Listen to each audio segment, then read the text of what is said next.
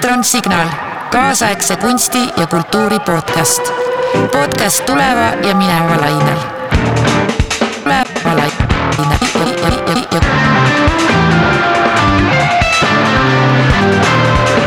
elektron, tere tulemast kuulama Elektron Signaal järjekordset episoodi sellel raskel ajal. Ja täna on minuga siin magamistuppa improviseeritud stuudios Maicel Lond ja Helen Lotman. sõda käib, maailm muutub, põgenikud saabuvad ja me räägime täna sellest, mis siin õigupoolest toimub. mis roll selles kõiges on kunstil ja kultuuril. me räägime mängu ja reaalsuse vahekorrast, hirmu võimust ja loomulikult valgusest ja varjust. Äh, ma arvan, et hakkame otsast minema, ja just teeme nii. mõtteid tekib nii palju ja. Sa räägid seal äh, ööülikoolis minu arust väga lahedalt sellest äh, teki, mitte teki alla vaatamisest, vaid voodi alla vaatamisest. sa räägid seal taskulambiga voodi alla vaatamisest, et kuidas, et voodi all on pimedus, seal on koll. taskulambiga vaatad, seal on tolmurull mm. -hmm. ja siis seal on niimoodi, et äh, see paralleel ongi siis see, et kuidas pimedus siis trigerdab fantaasiat ja midagi hirmsat ja siis knowledge on siis see valgus mm. -hmm. ja minu jaoks on see väga inspireeriv mõte, ma kuulasin täna hommikul veel üle selle. ja et võib-olla sealt äkki hakkaksime arutama. et mis siin, mis pimedus ja valgus siin siis toimub praegust. no mulle meeldib õudselt äh, Terry Pratchett ja, ja Pratchettil, ma ei mäleta, millises kettamaailma kettamaailma loos on tal see, et äh, äh, trollid on ju, on need, kes, kes näevad tulevikku. kui ma ei eksinud, ma võin eksida, kas need olid trollid või goblinid, ei, ikka vist trollid olid. et nemad näevad tulevikku ja siis äh, neile tundub, et inimesed on sellised tegelased, kes liiguvad ajas selge ees. sest inimesed näevad minevikku, aga ei näe tulevikku.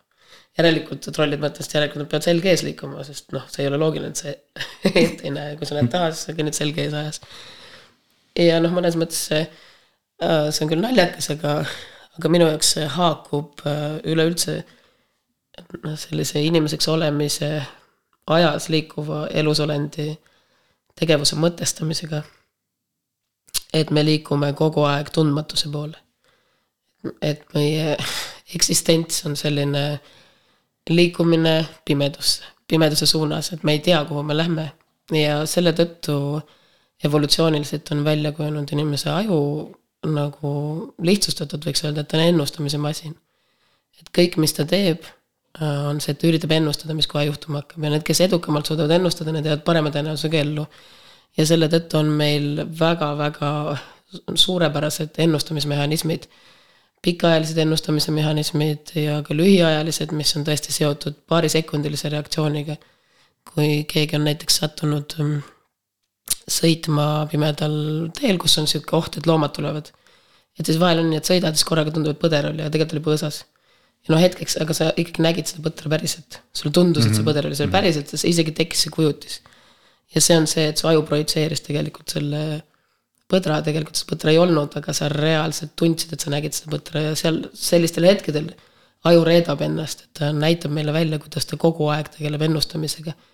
ja evolutsiooniliselt on talle kasulik pigem eksida liiga palju ennustamisega, sest kui see põder lihtsalt osutus illusiooniks, siis sa ei saa surma. aga kui sa ei jäid maha sellest, siis tõenäoliselt saad surma, ehk siis me oleme kallutatud mingil määral äh, igasuguse tuleviku ette ennustamise suhtes pigem rohkem muretsema, pigem rohkem kartma. ja mingis mõttes siis, kui mõelda sellele, et meie igasugune tegevus on liikumine tundmatuse poole, siis minu jaoks äh, kunst ja teadus on kaks äh, samamoodi tundmatuse poole liikumise viisi. mõnes mõttes on nad väga sarnased. teadus liigub teadmatuse poole, kunst liigub mm -hmm. teadmatuse poole, me kunagi ei tea, kui me alustame mingit kunstiteost või mingit teaduslikku eksperimenti, kuhu me välja jõuame ja see on meie viis valgustada seda, mis ees on. aga minule tundub, et need on vähestest meie tegutsemise viisidest sellised, mis on liikumine tundmatuse poole täis lootust. et kui sa mõtled lihtsalt eksisteerimisele, siis on see valdavalt liikumine tundmatuse poole täis hirmu, isegi lapsevanem olemine Jaa. valdavalt ikkagi seotud sellega, et sa kardad, et midagi läheb valesti. ja neid hetki, kus sa lihtsalt naudid seda, et sa oled lapsevanem, on väga vähe. et äh, kunst, teadus ja mäng on sellised seisundid, kus me liigume tundmatuse poole lootusega. ja kõik, mis me sealt avastame, on positiivne, ka teaduse puhul on see, et kui sa teed mingi eksperimendi ja see ei kinnita su hüpoteesi, siis on see ikkagi väga kasulik mm -hmm. asi. kunsti puhul samamoodi, kui sa äh, teed midagi ja see osutub millekski muuks, mis sa arvasid, et see on, siis väga tihti on see midagi palju-palju paremat, kui sa üldse oskasid ette kujutada.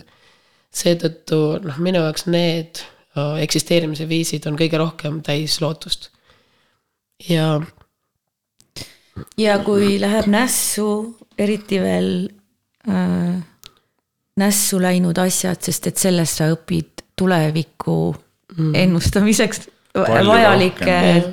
trikke või jah, et mm. vajalikke mingeid hakka saa-, hakkamasaamisviise mm. vähemalt kunstis küll, et kõige rõõmsamaks teevad mind nässu läinud asjad. ja, ja see on, noh, mulle tundub, et igasuguse, ka kui ma noh, ma õpetan ju tudengeid Balti Filmi- ja Meediakoolis ja ja üldiselt ma võin öelda, et kõige edukamad, jutumärkides muidugi, sest mis asi üldse on edu, on selle üle võib ka tundide kaupa arutleda, aga aga ütleme siis kõige püsivamalt edasi liikuvad on need tudengid, kes ei jää iseenda ego sisse kuidagi, ego ei jää neile jalgu, nad ei jää Mhm. koperdama, nad saavad aru, et igasugune tagasiside on kasulik mm. -hmm. Igasugune tagasiside on maailma peegeldus sulle, kuidas teha ennast arusaadavamaks jaa, ja, ja see ei puudu, see ei, see ei ole nii-öelda isiklikult sinu kohta, vaid sinu teose kohta, et need, kes suudavad eristada iseennast oma teosest. Need on üldjuhul liiguvad edasi noh, nagu püsivamalt ja tõenäosus alla anda väiksem. et kui see iseenda ja oma teose selline seotus muutub liiga intensiivseks, et siis inimene ei suuda võtta kriitikat vastu ja, ja noh, muutub nii haavatavaks, et ükskõik, mis öeldakse, ta tunneb, et mul, mina olen vale, mina tegin et see läheb isiku Jaa. pihta ja Mm. et selline distantseerimise võime on hästi oluline ja ja noh, üks asi mulle tundub noh, mis, mis ütleme nagu selliste mõtteviiside puhul on hästi oluline. ja nüüd ma paratamatult tsiteerin oma või noh, mitte ei tsiteeri, vaid võtan mõtteid oma vanaisalt Jüri Lotmanilt. Üks asi, millest ta räägib väga palju, on, on see mänguline mõtteviis, et see on tohutult oluline. et äh, kui me räägime lastest mängimas kui sa vaatad lapsi mängimas, et siis võime püsida selles mängus. et korraga on see asi reaalne, aga samas ta ei ole päris. on tohutult oluline Jaa. ja väga-väga keeruline sellise kognitiivne harjutus, et kuidas püsida selles mängus, nii et näiteks noh, ma ei tea, ütleme, mängime malet või, või lapsed mängivad sõda, no just kuu aega tagasi oleks öelnud, et tänapäeval enam nii palju ei mängi, aga nüüd tõenäoliselt need sõjamängud tulevad tagasi. Et äh, siis äh, võime püsida selles, et sa võtad üht, korraga seda tõsiselt, tohutult tõsiselt, piisavalt tõsiselt, et sul oleks põnev. samas hoiad kogu aeg meeles, et see on mäng. Jaa, on hästi tähtis, sest kui sa ei võta piisavalt tõsiselt, et siis on niimoodi, et see muutub igavaks, ei tööta üldse. Või kui keegi on niimoodi, et. Osad on, oo maa on laava ja siis no ei ole laava, ma võin siit üle minna, see rikub täielikult mm. illusiooni on ju. aga kui sa võtad liiga tõsiselt, siis see läheb kakluseks või noh, siis yeah. siis, siis, siis kukud jälle sellest välja on ju et see võime säilitada seda mängulist mõtteviisi, et võtta mingit asja korraga tohutult tõsiselt ja samas hoida meeles, et see on mäng. on minu jaoks noh, ütleme võib-olla inimesele, inimkonnale, üleüldse igasugustele sotsiaalsetele loomadele, aga inimesele, kes on. Kes on noh, üks meeletult keeruka sotsiaalse ülesehitusega inimene. on see mänguline mõtteviis nii oluline, sest kui mänguline mõtteviis ära kaob, siis juhtub see, mis praegu on Ukrainas. et mõnes mõttes äh, kui mõelda, et, et mis see, mis see alternatiiv sõjale on, siis äh, alternatiiv sõjale on spordivõistlused mm. -hmm. on äh, kunstiteosed, on oma filmi, oma ri-, omakeelse filmi võõrkeelse Oscarile kaasaelamine. Mis võ-, võimaldab sul korraga olla uhke enda rahvusliku kuulumise üle ja samas võtta seda täie tõsidusega yeah. aga samas mitte minna pärast kellelegi kallale sellest, no ja jalgpallis tihti ka juhtub niimoodi, et vahetevahel lähebki sassi, kukuvad mängust välja, lähevadki päriselt üksteise kallale. aga see ja mõnes mõttes noh, kui vaadata inimkonna ajalugu, et kogu see kultuuri ja spordi, eriti just spordimängude areng selleks, et muuta mingisugune, muutuda mingisuguseks sõja alternatiiviks, on tohutult huvitav yeah., sest eh, paratamatult see konkurents on. inimene on kollektiivne loom, mis tähendab, et ta kogu aeg eksisteerib altruismi ja egoismi vahepealses sellises balansi otsimises ja mänguline mõtteviis, mille, mille sisse minu jaoks käib ka, käib ka teadus ja, ja looming, võimaldab kahte vastandlikku asja korraga oma peas hoida Jaa. aga kui kui seda ei suuda, kui sa ei suuda balansseerida siis oma seda aju noh, nagu kahte, kahte sellist äh, duaalset äh, ajustruktuuri ei suuda balansseerida, et siis, siis on sõda, siis on matšetedega käte maha löömine. jaa. ma äh, äh, jälgin jalgpalli ühte, ühte tiimi ja siis ma- mul on sõbrad Hendrik ja Karl ka, kes, kellele meeldib sama tiim ja siis me alguses, kui ma sattusin nendega koos vaatama seda, neid mänge või et kui ma kuulsin neid rääkimas, siis nemad, mina olen alati kasutanud nemad, nemad mängivad, see tiim mängib mm., aga, aga Hendrik ja Karl ütlevad, meie mängime mm.. ja siis ja noh mm,. nüüd seesama, kui sa tood selle, et kui see ei, ei saa enam sellest mängust aru, siis, siis nüüd ma saan aru, et kuidas see, see meie ma, ma saan aru, miks jalgpallis see meie kujund on oluline, aga nüüd ma näen seda meie loomist äh, selles äh, Vene sõjas, kuidas see niimoodi, Vene kultuuris luuakse seda suurt meiet ja, ja Ukraina Samuti, jah. samad, samuti, et et see on huvitav jah, ma ei ole kunagi niimoodi varem neid paralleele toonud mm., aga sul on tõesti õigus, et, et et see, kuidas sa suhestud ja mõistad, see, need on, need on sõjas ja mängus sarnased kuni selle hetkeni, et sa saad, et kuni sul kaob see, Mm. kui mäng kaob ära, siis on sõda. jah, see mäng on selline proksi sõjale ja see on võimalus, see on alternatiiv. ja no muidugi, kui praegu rääkida, et ma pean muidugi alustuseks kohe selle ära ütlema, et et vahet ei ole, millest me siin täna räägime ja kui, kui ma ka räägin asjadest äh, püüdes mõista mõlemaid pooli ja kui ma ka räägin, räägin asjadest püüdes neid analüüsida ja mõtestada, siis äh, ükskõik, mis ma räägin, mitte ükski nendest asjadest ei vabasta meid moraalsest, moraalsest Jah. vastutusest. see tähendab seda, et, et seda, et, et Venemaa praegune juhtkond on, on aastaid töötanud selle nimel, et taastada Nõukogude Liit sellisena, nagu ta on. et ta täiesti äh, te, tegeleb sõjakuritegevusega, ründas iseseisvat riiki, et see, see kõik on vaieldamatu selle, selle üle äh, ma mitte mingil juhul debateerima ei hakka no selles mõttes, et lihtsalt selle tõttu, et vahetevahel, kui rääkida, kui püüda asju mõtestada, siis tekib ka tunne, et on nagu sihuke moraalne ebamäärasus. Ei aga aga, aga minu jaoks seda kindlasti ei ole, et minu jaoks on, on need asjad on väga selged ja, ja seda, et äh, sinnapoole asi liigub, see on ju no näiteks üheksakümne viienda aasta intervjuu Johar Dudajeviga, ta kirjeldab väga-väga detailselt, kuidas see, kuidas see asi minema hakkab. et ähm, ja seda, kuidas äh, lääne demokraatlik ühiskond, mis meil on väga-väga vajalik ja me väga hindame, ei ole võimeline oma aja, aja arvamist kalibreerima ümber, sest lääne demokraatlik ühiskond, see meie aja arvamine on nelja-aastaste tsüklitega, meil on valimistsüklitega, mis tähendab, sa ei saa teha mitte, kui sa oled poliitik, sa ei saa teha ühtegi plaani rohkem kui valimistsüklite järgi, sa saad tahta ja loota. aga kõik su plaanid on valimistsüklite järgi, mis tähendab, et kui sinu vastas on inimene, kes ei kavatsegi võimult ära minna, siis tema plaanib kahekümne, kolmekümne aasta lõikes ja lääs ei suutnud seda aja arvamist, aja arvamise erisust äh, läbi näha ja, ja meie see valimistsüklite amneesia tekitas olukorda, et me iga kord ohohoo, üllatus, Putin tegi siukse asja, ta pole mitte kordagi ennast muutnud, algusest peale on kogu aeg Jaa. seesama programm olnud, ta lihtsalt on pika plaani mees, sest ta ei kavatsenudki võimult ära minna. et need asjad on kõik sellised ähm, äh, mida noh, mida tuleb teadvustada selle kõige kontekstis, vabandust, ehk siis äh, sõja noh, ütleme, et, et kui ma sellest räägin, siis ma ei pea silmas seda, et et, et oih, et me oleks saanud midagi kuidagi teisiti teha, oleks võinud Putiniga spordivõistlusi teha. et selge see, et see inimene on kurjategija ja, aga äh, ma olen täiesti nõus, et, et see mm, üks hästi oluline osa äh, sellisest äh, inimeseks olemiseks on see äh,. Inglise keeles on, nimetatakse in-group ja out-group bias, ehk siis me mm -hmm. mõtestame iseennast mingi grupi osana. ja selleks, et aru saada, kuidas see toimub, siis õudselt hästi aitab, kui teadvustada endale aju, noh, ütleme, et inimese aju on modulaarne see tähendab seda, et erinevad moodulid läbi evolutsiooni on juurde tulnud Jaa. vastavalt sellele, kuidas meie sotsiaalne võimekus on kasvanud. aga need vanemad moodulid ei ole välja lülitunud selle Ei. peale, nad toimivad täpselt samamoodi edasi.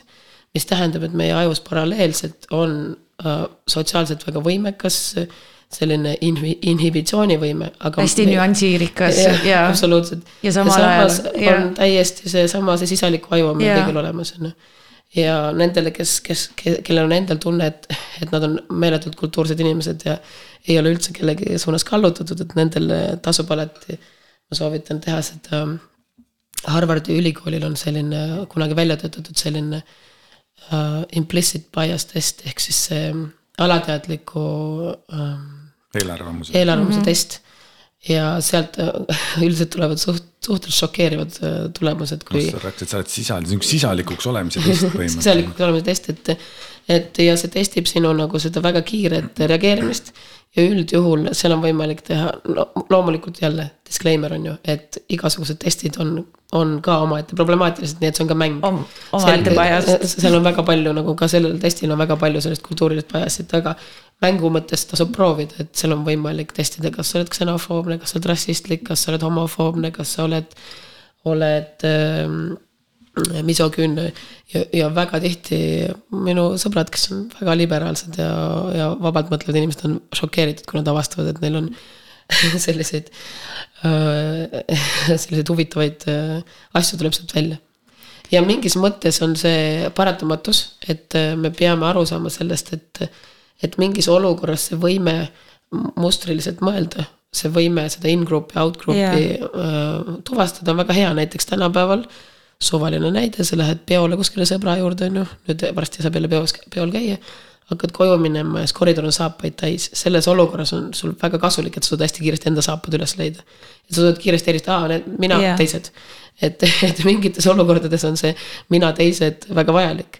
aga teistes olukordades, kuna me elame sotsiaalselt väga keerukas struktuuris, me ei ela lihtsates struktuurides, siis see enam ei tööta. ja selleks on siis välja kujunenud meie võime neid äh, selliseid madalaid äh,, nii-öelda madalaid või siis väga lihtsustatud tunge alla suruda ja korrigeerida ja lihtsustas jah, erisusi. absoluutselt mm, -hmm. et äh, me suudame seda korrigeerida, me saame aru, et niimoodi ei ole viisakas käituda, on ju. ja see algab lapsest saadik, noh, see kinderstube või kultuursus või viisakus on tegelikult ühiskonna viis korrigeerida meie käitumist sotsiaalselt sobivamaks. jah, aga nüüd, mis juhtub, on see, et kuna meil kõigil on seal all see ikkagi see sisalik on, toimib edasi, on ju. Et siis, kui avalik dialoog korraga ütleb sulle, aga on okei okay öelda neid asju välja.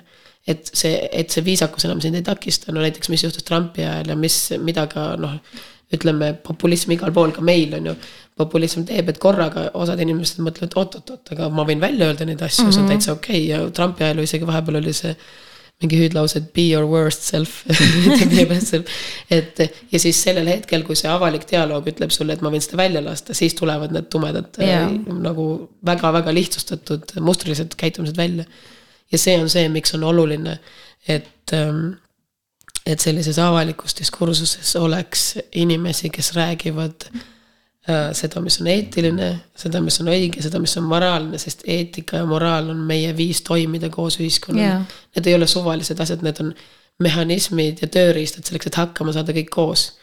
ja, ja selle tõttu on hästi oluline, et selles avalikus dialoogis osaleks ka mitte ainult need inimesed, kes, kes on populistid, vaid ka need, kellel on kompass, moraalne kompass paigas. aga kuidas sulle tundub, et nagu praegusel hetkel, et eh, kes need inimesed on või nagu kes need inimesed võiksid olla nagu mm. tegelikult, kui sa nüüd küsid nime ja nimeta üks, üks nimi ja kodune aadress, siis tegelikult ei oskagi öelda nagu, et see on et kuidagi vajunud pildilt ära selline moraalne kompass, kes see võiks olla nagu? ma arvan, kõigi ühiskonnaliikmete kohustus on see, ma arvan, see on selline ühiskondlik kokkulepe, mis äh, äh, noh.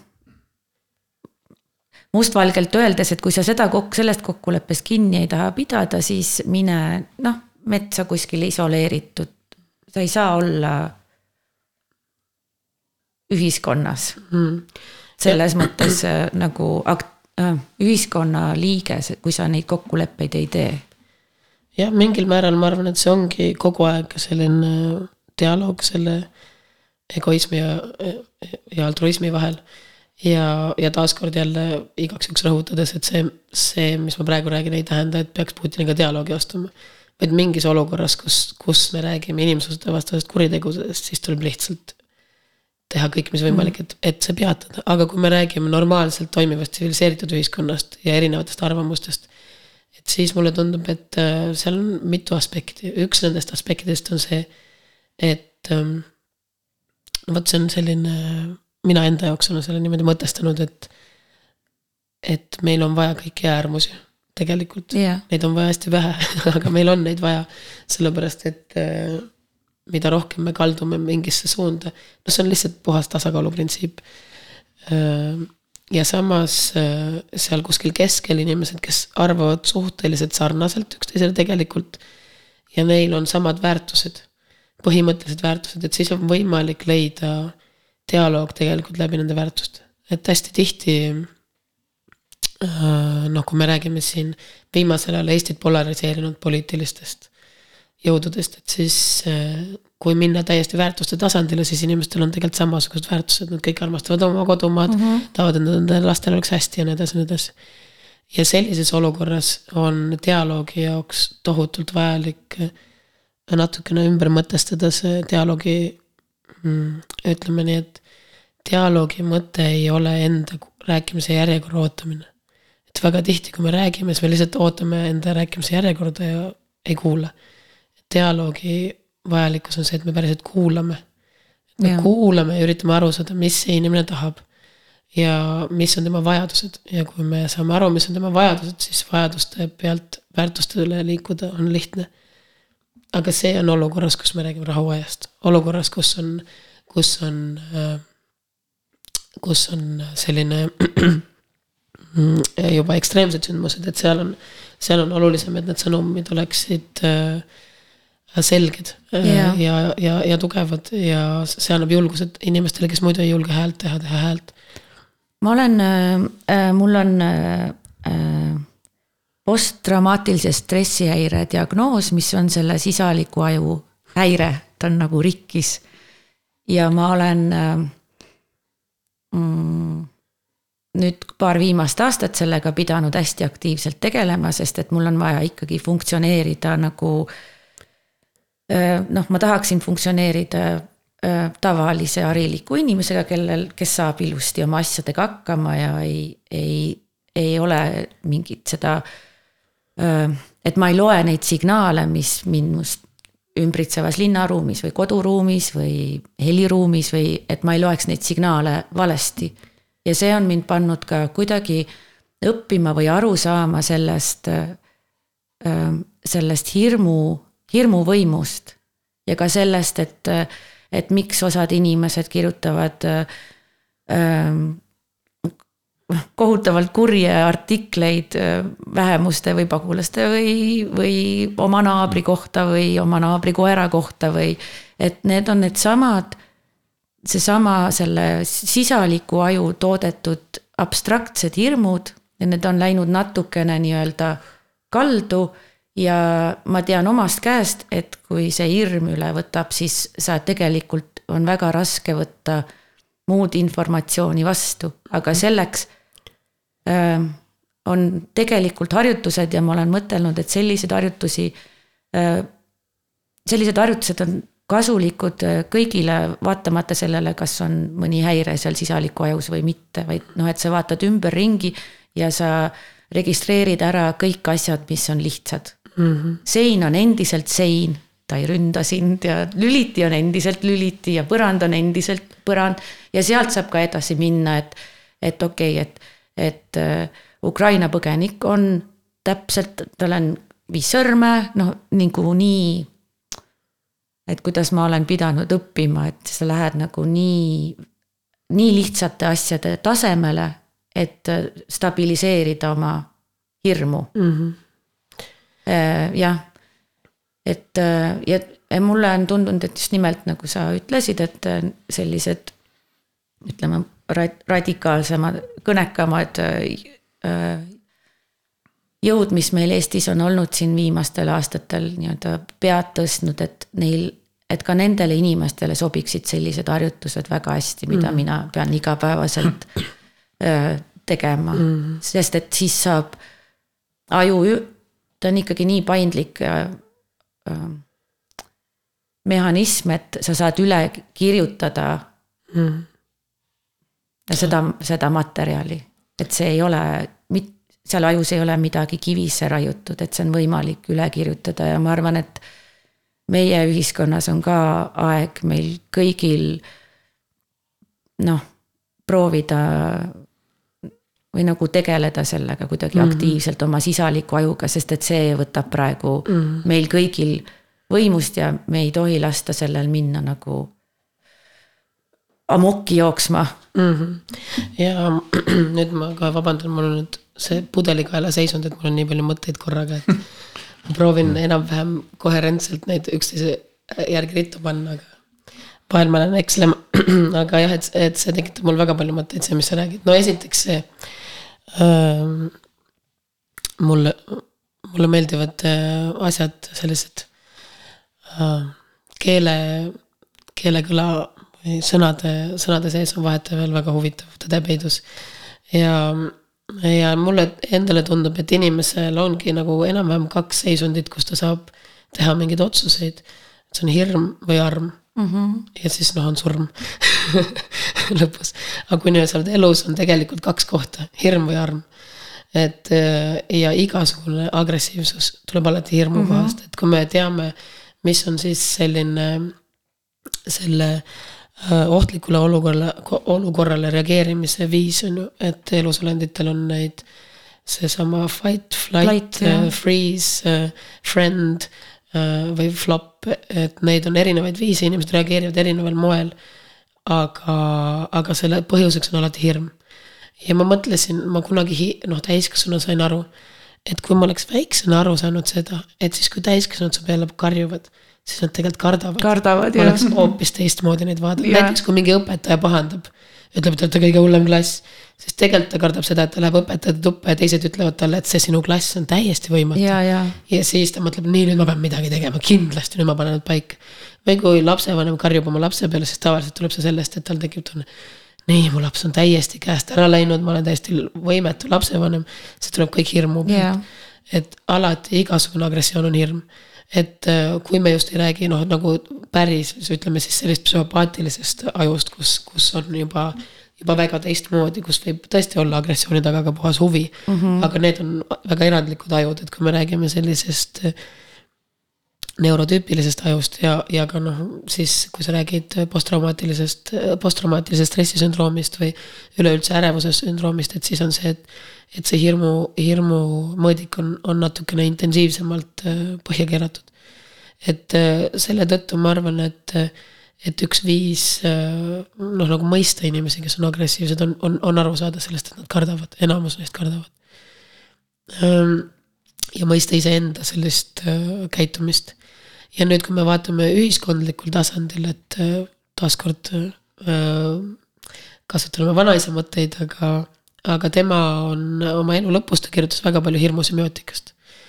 ja, ja üks äh, mõttekäikudest, mis mulle on, on meelde jäänud, mis praegusel ajal mind tohutult kõnetab, on tema kirjeldus sellest, et murrangulistel aegadel, kui inimkond on teinud suuri-suuri tehnoloogilisi hüppeid, et siis alati koos progressiga käib kaasas regress. et äh, sellel ajal me räägime renessansist kui valgustusajastust mm -hmm. täpselt samal ajal kui umbes siis, kui Shakespeare kirjutas oma surematuid teoseid, siis olid kõige hullemad nõia, nõiaprotsessid. ehk siis, kui juhtub väga palju muutusi meie ümber, siis osad inimesed reageerivad nendele muutustele hirmuga yeah.. ja, ja see hirm väljendub siis tihti kas paranoias või konservatiivsuses, et sa haarad kinni millestki, mis on sulle tuttav mm. -hmm mis on, mis on noh, absoluutselt loogiline käitumine. ja nüüd, kui me mõtleme sellele, mis me oleme ju, noh, me elame täielikus ju Hiina needuses, Hiina needus, et, et olgu sul, olgu sul õnn elada huvitavatel aegadel. et ma just lastega rääkisin sellest, et saate aru, noh, et te olete siin teie vanus on ju ja no enda lastega, kes, kes on, on ju kolmteist ja siis kohe kümneseks saav ja viiene. et äh, viimase kolme aasta jooksul oleme, me näinud, mis me oleme näinud siin. me oleme näinud globaalset pandeemiat, mis viimati sellises mastaabis oli tuhat üheksasada kaheksateist. me oleme näinud USA Kapitooliumi lammutamist, mis viimati oli kaheksateistkümnendal sajandil. me oleme näinud sõda Euroopa südames, mis, kui me noh, ütleme Jugoslaavia sõjad praegu kõrvale jätame, mis on ka selles mõttes, et, et väga-väga suure kataklüsmi mõjuga, aga sellist kõikehaaravat äh, sõda, nagu praegu on, viimati nägime teise maailmasõja ajal. ja kui me räägime sellest, et äh, ja globaalne soojenemine, selline temperatuur, nagu meil praegu on globaalselt, oli viimati kümme tuhat aastat mm -hmm. tagasi. ja see kõik on juhtunud viimase kolme aasta jooksul et, et me elame. on õnn elada huvitaval ajal. meil on õnn elada huvitaval ajal, et me elame ajal, kus, mida hiljem ajalooõpikutes vaadatakse yeah., et huvitav, kuidas inimesed üldse hakkama said yeah.. ja praegu mõtled mingile, ma ei tea, noh, esimese või teise maailmasõja ajale ja siis mõtled, kuidas seal üldse selles ajas elada sai. aga nüüd noh, minu jaoks need kõik sündmused on tegelikult hästi tugevalt seotud sellise väga-väga suure murranguga, mida inimkond praegu läbi teeb, mis on niivõrd suur, et me ei pruugi seda üldse näha, sest me oleme nii lähedal sellele. natukene on see selline, meenutab see, mis praegu toimub, et sellest, seda mõtestada, siis tasub meeles pidada äh, Louis, Louis Richardsoni kaldajoone paradoksi. mis ütleb seda, et kui sa vaatad kaldajoont kaardi peal, siis on see hästi selge, kui, kui sa vaatad hästi kõrgelt yeah.. kui sa lähed lähemale, siis see on aina sopilisem yeah lähed veel lähemale, on see veel sopilisem, aga meetri kõrguselt vaatad, siis seal ei olegi piiri maa ja, maa ja vee vahel, lihtsalt liiv ja lained loksuvad edasi-tagasi. ja praegu me oleme olukorras, kus me vaatame tohutult mm -hmm. lähedalt seda. ja selle tõttu see on, tundub, et see on väga noh, et, et sa kuidagi ei näe neid piire või ei taju selgelt, aga kui, kui see me, aeg meist kaugemale jääb, siis me hakkame seda rohkem ja paremini nägema. aga, aga mida mulle tundub, et me peaksime nägema või mis see on siis, mis meil praegu toimub on see, et inimkond ei ole mitte kunagi varem oma ajaloos mitte iialgi olnud omavahel nii seotud, kui me oleme praegu. ei ole jah. see on, ja see on ta, taaskord, et kui me mõtleme selle hirmu semiootika peale, nendele suurtele kataklüsmidele, siis need kataklüsmid on alati olnud seotud mitte lihtsalt tehnoloogilise hüppega, vaid infotehnoloogilise hüppega. kui me mõtleme trükipressi leiutamisest yeah. ja kuidas see mõjutas inimkonda. ja praegusel hetkel on siis, äh, me oleme sellises seisus, kus mitte lihtsalt me ei ole seotud äh, ütleme kogu ülejäänud maailmaga niimoodi, et me teame, mis seal toimub, ütleme, mis näiteks trükipressi leiutamine tohutult kiirendas mingisuguseid protsesse. siis praegusel hetkel me lihtsalt mitte ainult ei tea, mis toimub, vaid me oleme sellega vahetult seotud samal hetkel, kui see toimub. ehk siis keegi, midagi juhtub Mariupolis, see juhtub samal ajal minu taskus yeah. see on minuga kõikjal koos ja see vahetevahel on minu jaoks reaalsem kui see, mis minuga päriselt siin ruumis toimub ja millest see räägib, äh, esiteks see räägib sellest, et me oleme rohkem seotud, kui me iialgi oleme olnud ja seda näitavad ka seda, kuidas siis sellise, need kataklüsmid nagu selline äh, ripple efekt, noh kuidas eesti keeles on, no selline yeah. mõjutavad kõiki, kuidas see praegune Ukraina sõda mõjutab, mõjutab tõenäoliselt näljahäda Aafrikas on ju. et kuidas, kuidas kõik on omavahel seotud Äh, aga teine asi, mulle tundub, et mis on hästi oluline ja kuhu me liigume, kuhu me peame liikuma ja kuhu jõudmine tekitab meil suuri raskusi, on see, et olukorras, kus me oleme kõik omavahel seotud, siis me oleme jõudnud etappi, kus mitte keegi mitte kuskil ei saa öelda mitte millegi kohta, et see ei ole minu asi. Yeah.. igal pool kõik peavad aru saama, et kõik on minu asi ja see on see tõenäoliselt, mis tekitab meil raskusi, seesama see äh, selline isole-, isoleerumine meil, meil endal nagu sellise väga tugeva äh, populistliku konservatiivsuse ja ma ei räägi, et konservatiivsus põhimõtteliselt halb oleks, ma kogu aeg kordan seda, et kõik, kõik mm, kogu see palett on oluline, et ta oleks olemas ühiskonnas. aga selline väga populistlik konservatiivsus püüab sulgeda ennast ja öelda, et see pole meie probleem. aga maailm on sellises seisus, et mitte ühtegi asja, mitte ühegi asja kohta sa ei saa enam öelda, et ei see pole saa. minu probleem. sa võid öelda, et ah, see, mis toimub kuskil, ma ei tea kus, pole minu probleem. see jõuab sinuni igal juhul, ta jõuab kas põgenike kujul või ta jõuab äh, sinu taskusse või ta jõuab sinuni sinu lapselapse kaudu. ja samuti me oleme olukorras, kus. või söögilaua valiku või, või ma ei tea, puuvilja kvaliteedi või just. mille iganes kaudu ja, ja..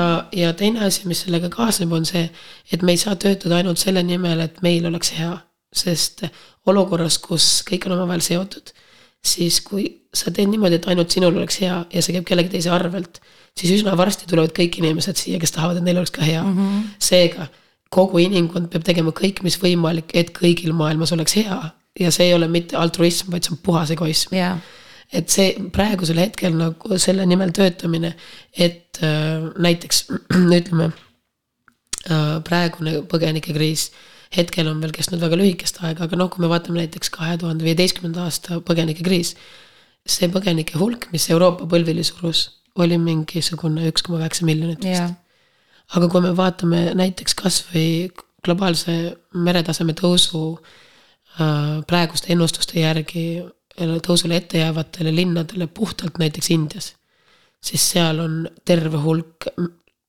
linnu, mis on kaheksa miljonit, kaheksateist miljonit ja nii edasi ja nii edasi.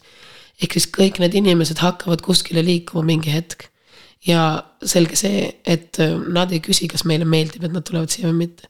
Nad hakkavad liikuma, nad otsivad endale paremat kohta seega praegusel hetkel me oleme jõudnud seisundisse, kui varem võis öelda võib-olla, et heategevus on nagu altruismiga seotud Jaa.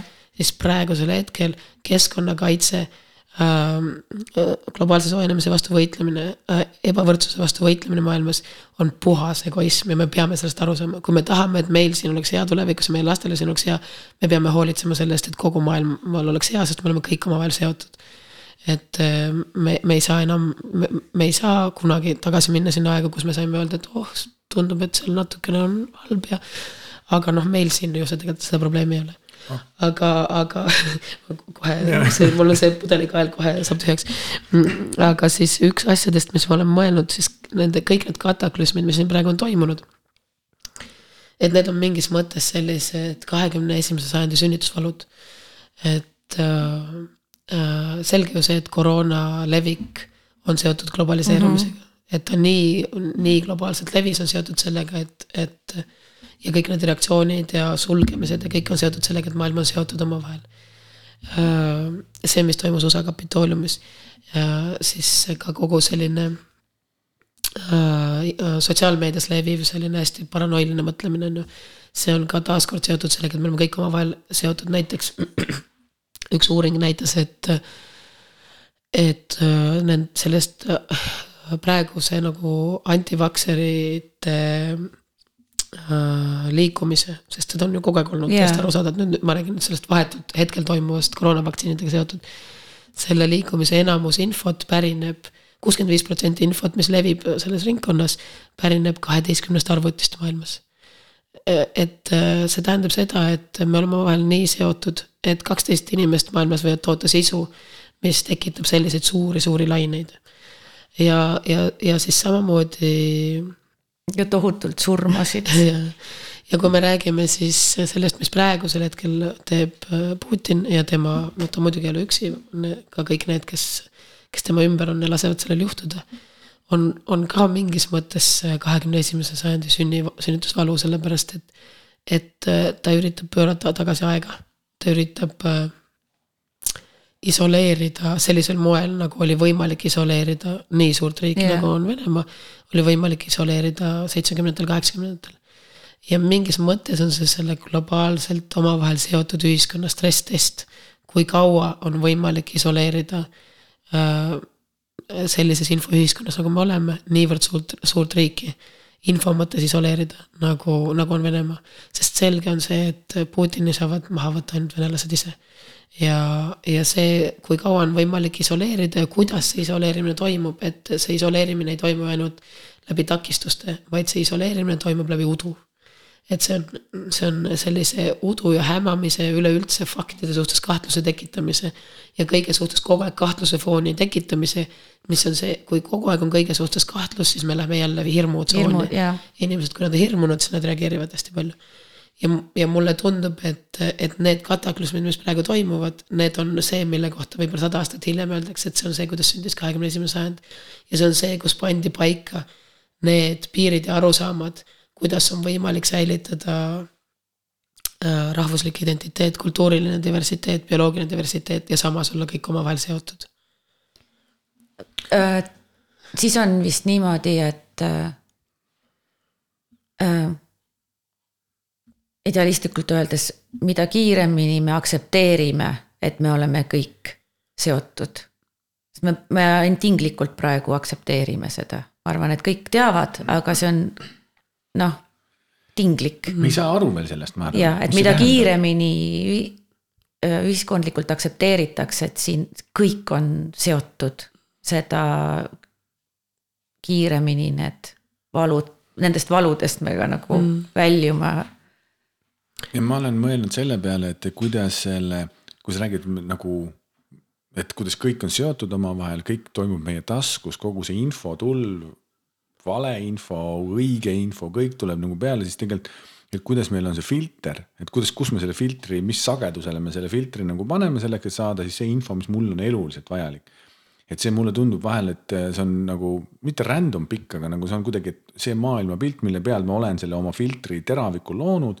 Nüüd on tegelikult selles äh, kahekümne esimese sajandi stress-testiga on tegelikult natukene paigast ära aetud või natukene nagu pilbasteks löödud, sellepärast et see ei ole enam seal. ja siis mulle tundubki praegust, et nagu nii lihtne on minna ka omavahel nagu vaidlema, sellepärast et noh, ma ei tea nagu noh, et äh, need on erinevates kohtades, on need piigid mm, -hmm. eks ju, et ongi noh, näiteks kasvõi me täna enne rääkisime sellest mingist. ma ei tea, korteri rentimisest või noh, millestki, et kus kohas nagu mingi piik on eri kohal, mis nagu võib olla nagu. Ma ei tea, ühe jaoks südameasi, teise jaoks mingisugune whatever mingi asi ja siis tegelikult seal omavahel tekib mingisugune. omavahel juba sihuke mäsu nagu noh, et kuidas selle filtri loomine praegust ühesõnaga, mis, mis filtreerin nagu näed, ega mul ei ole nagu rohkem seda mõtet ei olegi, et nagu kuidas see, kuidas see nagu nii-öelda kõikidel on ka erinevad nagu need filtriteravikud. aga see on selles mõttes väga mm, hea teema, sest, sest nüüd me räägime kultuurist. ja me jõuame selle kultuuri küsimuse juurde. Ja ähm, siis näed, jälle tsiteerin Lotmanit, ma ei tea, Lotman Lotmanist, see ei olnud nii mõeldud, aga lihtsalt nii palju Jüri Lotmani kirjutatust on praegu aktuaalne. üks asi, mis ma hiljuti tõlkisin raamatu Dialoog ekraaniga, mis on siis tema äh, selline filmikeele aluste raamat kirjutatud koos Juri Tsivjaniga. ja, ja üks asjadest, äh, mis ta seal välja toob ja on ka väga paljudes teistes oma teostes välja toonud, on see, et mis asi on kultuur üleüldse et kultuur on inimkonna kollektiivne aju. et kultuur ütleb meile, kuidas me peaksime tegutsema, mida me peaks tegema, et kui meil ei oleks kultuuri, siis meil oleks ainult oma individuaalsed ajud. et äh, kultuur on selline kollektiivne aju, mis säilitab informatsiooni ja töötleb informatsiooni. näiteks kasvõi seda informatsiooni, et kuidas suhelda selles uues internetimaailmas. Et äh, kuidas suhelda maailmas, kus inimesed võivad plärtsatada välja asju, mida nad kui nad silmast silma kohtuksid, nad ei ütleks. Yeah.. kuidas inimesed võivad äh, kirjutada asju, mis äh, sellise internetisuhtluse distantsiga võimaldab käituda nii, nagu sa muidu muul juhul sa ei käituks väga-väga paljud inimesed, nii anonüümsed kommentaatorid kui ka ma arvan, ma ise hoi-, mul endal sotsiaalmeedia nagu hoian eemale sellest ja puudub kohalolu seal, aga aga näiteks see, kuidas inimesed võivad mingisuguses suvalises vestluses Facebookis kellegi postituse all minna täiesti noh, nagu. Berserki. Berserki ja sa tead, et kui need inimesed istuksid ümber laua, no seda seisu ei tekiks. ehk siis äh, selles uues kommunikatsioonivormis on äh, see õppimine käib praegu, et kuidas. kultuur ei ole veel kohale jõudnud. noh, et praegu on väga murrang-, murranguline aeg ja ei ole veel tekkinud seda kombestikku, ei ole veel tekkinud seda, et kui suured parukad meil on ja kuidas, kui pika pulgaga seda paruka-alust sügada, on ju nagu. et, et paratamatult need tekivad ja nüüd ähm, aga, aga üks väga oluline asi, mis, äh, mis Lotman välja toob selle kultuuri rolli puhul on see, et lisaks, äh, lisaks siis äh, informatsiooni salvestamisele, säilitamisele on kultuuri roll luua uusi tähendusi et kultuur on see, mis annab meile tähendused ja inimese aju on, on tähenduse otsimise masin. et kui nüüd ma hüppan korraks Lotmanist eemale, ma jõuan pärast siia tagasi, aga ma räägin korraks sellest tähenduse otsimisest. või vähemalt, kuidas mina seda tõlgendan. et mis üldse on tähenduse otsimine. et äh, kui me mõtleme mingisugusele väga lihtsale organismile, ütleme, et sa oled sihuke väga lihtne pisike organism. sinu funktsioneerimine on seotud sellega, et sa valdavalt oled kuskil nagu varjus ja siis mingi hetk sa hüppad valgusesse, üritad seal kiiresti paarituda ja süüa ja siis lähed tagasi varju. ja sa omandad siis sellise evolutsiooni käigus sellise omaduse, et kui sa oled seal valguses ja sinu peale langeb vari, siis sa lähed ruttu varju, sest noh, need, kes ei teinud nii, need söödi ära. ja see muutub selliseks kohastumuse mustriks ja see on väga kasulik, sa saad väga hästi sellega hakkama, lähed varju, jääd ellu ja saad väga hästi hakkama, aga mis sellise, mis sellise loomakese või sellise elusolendi äh, probleem on? tema probleem on see, et tema käitumine on väga etteennustatav. mis tähendab, et ta peab paljunema meeletult kiiresti selleks, et ellu jääda üldse. aga nüüd, mida keerukamaks muutub siis organism, mida keerukamaks muutub ka tema toimimise viis, seda rohkem on oluline see, et tema käitumine ei oleks etteennustatav et tema käitumine oleks etteennustamatu, sest see on tema looduslikele vaenlastele noh, siis keerulisem. Ja selle tõttu siis tõenäoliselt evolutsiooniliselt hakkavad välja kujunema need uued ajumoodulid, mis tekitavad, ma lihtsustan mooduliteks, muidugi ei ole tegelikult moodulid, see ei ole sihuke lego tuplu, aga ütleme siis nagu mingid ajuvõrgustikud, mis siis võimaldavad sul äh, käituda etteennustamatult või rohkem etteennustamatult see tähendab siis seda, et sul seesama, see väike loomake on su sees edasi, on ju tema see mustrilisus on edasi. aga siis äh, tekib sul siis see mingisugune uuemad moodulid, mis tege-, tegelevad nende andmete analüüsimisega, mis sisse tulevad. ja võimalike reageerimisviiside loomisega. see tähendab, et seda mustrit, kogu, et see muster on ikkagi oluline, et kas mu peale langeb vari või mitte, nagunii on kogu aeg oluline. aga väga-väga oluliseks muutub selle mustri tõlgendamine yeah., et mida see vari tähendab seega mm. meie aju on tähendume, tähenduse loomise masin. mida mulle tähendab praegu see, et see vari mu peale langes? tähendab seda, et ahah, et võib-olla on keegi, kes mind ründab, aga kui ma nüüd kivistun liikumatuks, äkki ta ei, ei oska mu käitumist ette ennustada. seega meie igasugune toimimine on kogu aeg tähenduse otsimine, me üritame aru saada, mis see mulle tähendab ja vastavalt sellele reageerida. ja kultuur on see, mis loob uusi tähendusi. ja nüüd, või tähendab, kultuur on see, mis, mis siis nagu annab meile tähendusi ja nüüd äh, Lotmani käsitluses siis selles kultuuri üldises pildis on üks selline tuum või noh, see võib olla ka perifeeria, ükskõik kuidas, kuidas seda e-, on parem ette kujutada. kus saavad sündida uued tähendused, tähendused, mida varem ei ole olemas olnud, tähendused millestki, mille suhtes meil ei ole kogemusi. See on selline väga võimas analüüsiaparaat, sest sellel, sellel väiksel tegelasel, seal tema oskab ainult selle põhjal, mis on varem juhtunud. Yeah ehk siis eh, tal siis peab olema see, tekkima selline tähendus, tähenduse aparaat, mis suudab analüüsida midagi, mis on, mis on varem juhtunud ja luua midagi, mida veel ei ole olemas. ja Lotmani väitel siis selles kult-, suures kultuuripilves ainus asi, mis päriselt suudab luua täiesti uusi tähendusi, mida varem ei ole olemas olnud, on kunst. kunsti roll on luua seni olemas olemata tähendusi yeah.. selliseid, see on nagu tähenduse loomise labor luua ja noh, ta räägib hästi palju informatsiooniteooriast ja, ja ka sellest võimalike maailmade hüpoteesist, mis on siis muidu üldiselt no, filosoofiline küsimus. aga ta toob välja selle, et kunst suudab luua võimalikke maailmu, mida ei ole päriselt olemas, mängulisi maailmu. kus me saame läbi mängida mingisuguseid stsenaariume, kust saavad sündida uued tähendused. ja selle tõttu mulle tundub, et kunst ei ole mitte kunagi olnud olulisem, kui ta on praegu ja see, ütleme üleüldse kultuurivaldkonna olulisus, aga kunsti kui uut, uute tähendust, tähenduste looja olulisus on, on hetkel minu arvates täiesti enneolematu. ja siin me teeme siis väikese peatuse ja järg, jätkame seda vestlust juba äh, uues episoodis sa räägid nii ilusasti. aitäh, sa tegid praegu selle cliffhangeri vaata. kui te nüüd tahate teada, mida see. elektronsignaal, kaasaegse kunsti ja kultuuri podcast. podcast tuleva ja mineva lainel. tuleva lainel.